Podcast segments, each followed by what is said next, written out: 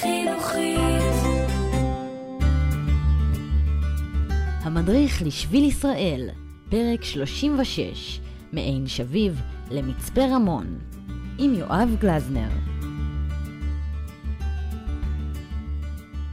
שלום לכם, הפרק הזה של המדריך לשביל מגיע עם ריח עדין של נפט. ואם זה נשמע לכם מוזר, תכף תבינו למה אני מתכוון. המסלול שלנו הפעם דורש שני ימי הליכה ולינה בשטח.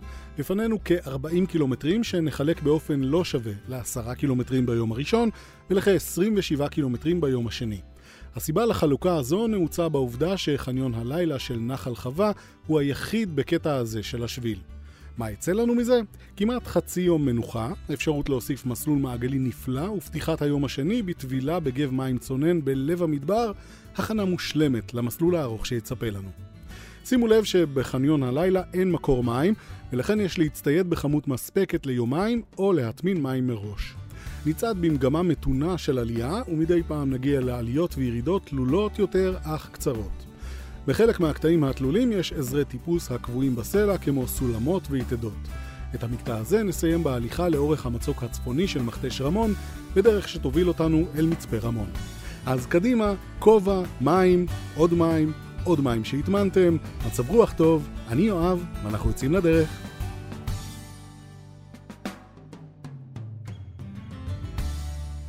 נפתח את יום ההליכה הראשון בעין שביב, שנראה בדיוק כמו שאתם מדמיינים נווה מדבר. דקלים, קנים, אשלים, אפילו תאנים, וגם מין מיוחד של עץ צפצפה שנדיר למצוא באזור הנגב, ונקרא צפצפת פרת. אם ביליתם את הלילה האחרון בחניון הלילה של עין זיק, צפויה לכם הליכה של כשני קילומטרים לאורך ערוץ נחל זיק עד לעין שביב. בכל אופן, כמו שאתם כבר יודעים, חל איסור על לינה בקרבת המעיינות, על מנת שלא נפריע לחיות הבר שמגיעות לכאן לשתות בלילה. איזה חיות? יעלים, שנוכל לפגוש לאורך כל היום, וגם צבועים, זאבים וגם פסמונים, מין מכרסם גדול שאפשר לזהות את פתחי המאורות שלו על הסלעים הרכים שסביבנו. בדומה לעין זיק, גם כאן הנביאה דלה מאוד ובקושי נראית על פני השטח. טבילת בוקר מחכה לנו ביומו השני של המסלול. קצת סבלנות. נשאיר את הערוץ הירוק מאחור ונטפס על הגדה המערבית של נחל זיק בעלייה ארוכה שתזמן לנו נופים נפלאים אל בקעת סין ותוביל אותנו אל ציר הנפט. על מה מדובר? נוגה תסביר לנו. ציר הנפט הוא הכינוי לו זכתה הדרך שמלווה את נתיבו של צינור תת-קרקעי שמעביר את הזהב השחור מנמל אילת למסוף הנפט הימי של אשקלון. הצינור הונח עוד בסוף שנות החמישים, כשישראל סבלה ממחסור חמור בדלקים, ופנתה לאיראן על מנת ליצור ברית אסטרטגית ולרכוש נפט. לצורך הקמת הפרויקט נוסדה ב-1968 שותפות ישראלית-איראנית בשם קו צינור אילת אשקלון, או בקיצור, קצ"א. בשנת 1970 הוזרמה בצינור, שאפשר העברת נפט בדרך היבשה מבלי לעבור בתעלת סואץ, כמות שיא של עשרה מיליון טונות. ב-1979, עם פרוץ המהפכה האיראנית וניתוק היחסים בין המדינות, הופסקה הזרמת הנפט האיראני דרך הצינור. כיום ישראל מייבאת נפט באמצעות מיכליות השטות בים התיכון.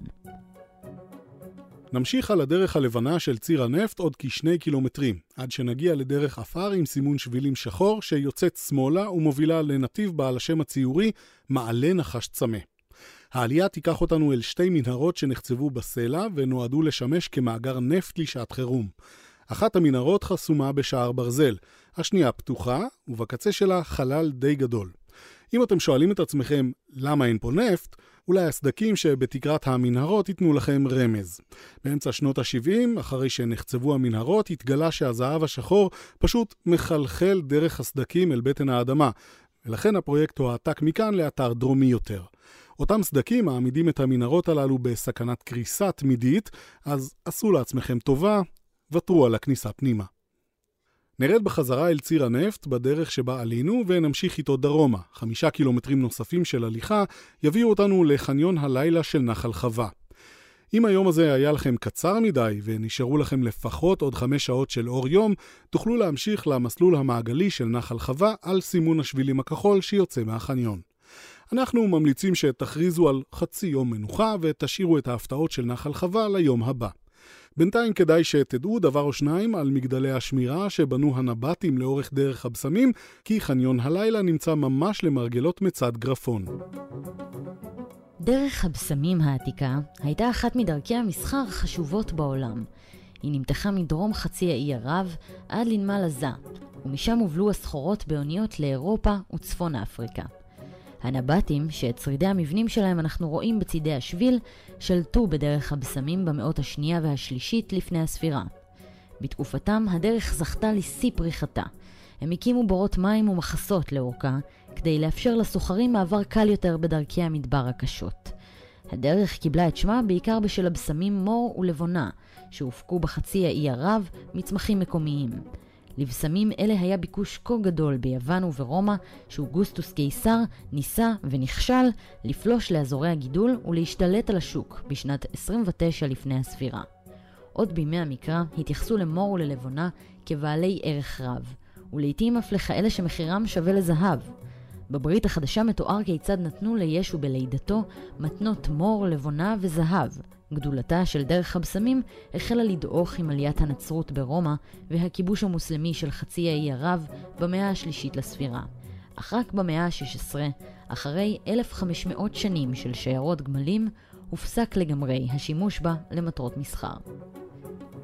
בוקר טוב חברים, איך עבר הלילה? חלמתם על שיירות של נבטים? את היום השני שלנו במקטע הזה אנחנו פותחים בהתקפלות מחניון הלילה של נחל חווה. יש לפנינו יום ארוך, ובמיוחד בימי חורף קצרים מומלץ לצאת לדרך מוקדם. לפני שנרד לערוץ הנחל, נמשיך מעט דרומה לאורך ערוץ משני, עד שנגיע לאזור אבן חול צהובה, המשמשת רקע לחלוקים גדולים של אבן צור, שאינה חלק מהמסלע המקומי. אם אתם שואלים את עצמכם איך ומאיפה הגיעו לכאן האבנים הללו, אז כנראה שהתשובות נעוצות בכלל בשאלה מתי. הסברה הרווחת היא שמדובר בסלעים מאזורים גבוהים של עבר הירדן המזרחי, שנסחפו מערבה לכיוון הים התיכון הקדום, בערוץ של נחל שעבר פה מזמן, עוד לפני שנפער השבר הסורי-אפריקאי. זה אומר שאנחנו מסתכלים על אבנים שהגיעו לכאן ממרחק של כמה עשרות קילומטרים לפני יותר מ-25 מיליון שנה. אנחנו הרי נזוז מכאן עוד דקה או שתיים, אז קחו שנייה לעכל את הנתון הזה. אחרי שנתרשם מהתופעה המעניינת הזאת, נחזור על עקבותינו אל סימון השבילים שלוקח אותנו על הגדה הדרומית של נחל חווה, ואחרי כקילומטר וחצי מוריד אותנו אל תוך הערוץ. כאן השביל ימשיך ימינה ואנחנו נקבל את ההחלטה הכי חשובה של היום, ונצא למסלול חלופי. כמה מאות מטרים אחרי שנפנה ימינה נגיע לגב חווה, שניזון ממפל בין 25 מטרים. המבנה המיוחד שבו חצב המפה לדרכו בסלע, משאיר את פני המים כאן מוצלים לאורך כל ימות השנה, והמשמעות היא שקצב האידוי נמוך, והמים צלולים יותר וקרים יותר מכל גב אחר. זה הזמן לחלוץ את הנעליים, ועכשיו אפשר לפתוח את היום כמו שצריך. בהמשך נחזור אל השביל בין הבולדרים והעצים שבאפיק הנחל, עד שנגיע לאזור שבו הבולדרים צפופים יותר. זה אזור הסדקים, שנוצר מבליה ארוכת שנים של מים ורוח, ומהשוני שבין שכבות שונות של המסלע. השביל יוציא אותנו מאפיק הנחל תוך טיפוס תלול ודרמטי בתוך אחד הסדקים הללו, כשמעלינו נוכל לראות רק חריץ צר של שמיים. התצפית הפנורמית שתמתין לנו על השלוחה שמעל הסדקים שווה את כל המאמץ הזה. מכאן נמשיך בכיוון דרום עד שנוכל לראות את מכתש רמון מול בקעת מחמל. אבל אם כבר הזכרנו את השמיים של אזור מכתש רמון, הנה משהו שכדאי שתדעו. לקראת סוף 2017 הוכרז אזור מכתש רמון באופן רשמי כשמורת אור הכוכבים הבינלאומית הראשונה באזור המזרח התיכון. באזורים מיושבים קיימת תופעה של זוהר שמיים, אותה הילה בהירה שאפשר לראות מעל ערים ומאפשרת לעין אנושית להבחין אך ורק בכוכבים בוהקים במיוחד, שמהווים אחוז קטן מכלל הכוכבים. בישראל, כמו ברוב העולם המערבי, אין אפילו מקום אחד שנקי מזיהום אור מאופק לאופק. אך באזור הנגב ישנם מספר אזורים, כמו המכתש, שבהם כמות זיהום האור היא מזערית. במקומות בהם הוכרזו שמורות אור כוכבים, ניתן לצפות אל שמי הלילה מלאי הכוכבים, כפי שניתן היה לצפות בהם לפני המצאת החשמל ותאורת הרחוב. מומלץ מאוד לנצל את הלילות הקרובים כדי לטייל גם בשמיים נטולי העננים וזיהום האור של מכתש רמון. אורכו של קטע הדרך האחרון שלנו למעלה מעשרה קילומטרים, וחוץ מאוויר ההרים הצלול של מישור הרוחות, יש בו רק שלוש נקודות מעניינות עד שנגיע אל בתי העיירה מצפה רמון. הראשונה היא מצד מחמל, שכדי להגיע אליו נצטרך לעזוב את השביל ולצעוד כ-400 מטרים בכיוון דרום. במקום יש שרידי מצודה שאבטחה את דרך הבשמים ונבנתה בשלהי התקופה הרומית. מצד מחמל הוא הזדמנות מצוינת לתצפית אמיתית ראשונה אל נופי המכתש. הנקודה השנייה היא מצפור גבעת געש, תצפית נוספת אל הבור הכי גדול שתראו לאורך השביל, הפעם מקו המצוקים שמעל הר געש קדום שהתפרץ לפני למעלה מ-100 מיליון שנה. מהמצפור מחכים לנו 8 קילומטרים עד הנקודה השלישית, פארק הפיסול המדברי שנמצא על שפת המכתש, ובין יצירותיו נגמע קילומטר וחצי עד שנגיע לעיירה מצפה רמון, שבה מסתיים המקטע הזה של השביל. המדריך לשביל ישראל, כל מה שצריך לדעת על השביל של המדינה.